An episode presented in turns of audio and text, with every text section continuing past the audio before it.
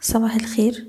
الرؤية الفنية لشركة الأهلي فاروس لتداول الأوراق المالية 15 ديسمبر 2021 دلوقتي إحنا للجلسة التانية على التوالي المؤشر بيتعرض لعمليات جني أرباح بعد ما وصل لمستوى مقاومته 11700 وده مستوى مقاومة رئيسي والهاي بتاع السنة وقفل امبارح عند 11618 التراجع الحالي إحنا شايفينه في إطار التصحيح الطبيعي جدا.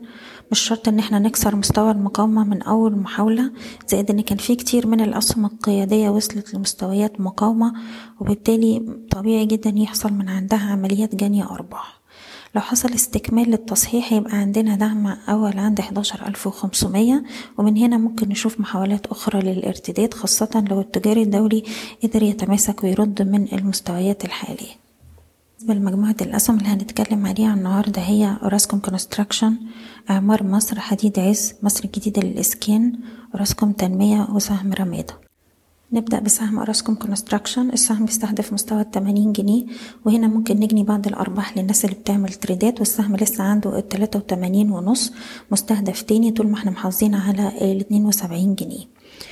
بالنسبة لسهم إعمار مصر اتكلمنا عليه بداية الأسبوع أكتر من مرة. سهم امبارح كان فيه ارتفاع بقوة بأحجام تداول عالية. السهم قدر يكسر مستوى مقاومته الهام جدا عند الاتنين جنيه وتمانين قرش ودي إشارة قوية. السهم بيستهدف مستويات اتنين خمسة وتسعين تلاتة خمسة وتلاتة خمستاشر. دي المستويات اللي هنعمل عليها التريدات وأي تراجع في السهم فرص للشراء.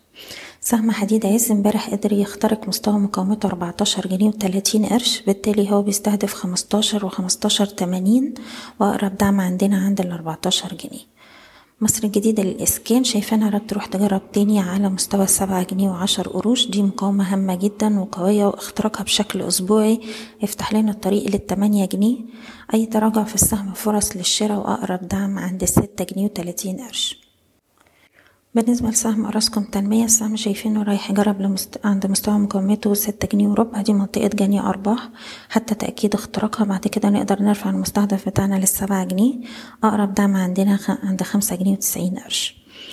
أخيرا سهم رميدة شايفينه بيستهدف مستوى الاتنين جنيه وسبعين قرش ده مستوى مقاومة هام بنجني عنده بعض الأرباح حتى تأكيد اختراقه بعد كده نرفع المستهدف التاني لغاية اتنين جنيه خمسة وتسعين وأقرب دعم عندنا عند الاتنين جنيه خمسة وأربعين. بشكركم بتمنى لكم كل التوفيق. إيضاح الشركة غير مسؤولة عن أي قرارات استثمارية يتم اتخاذها بناء على هذا التسجيل. شكراً.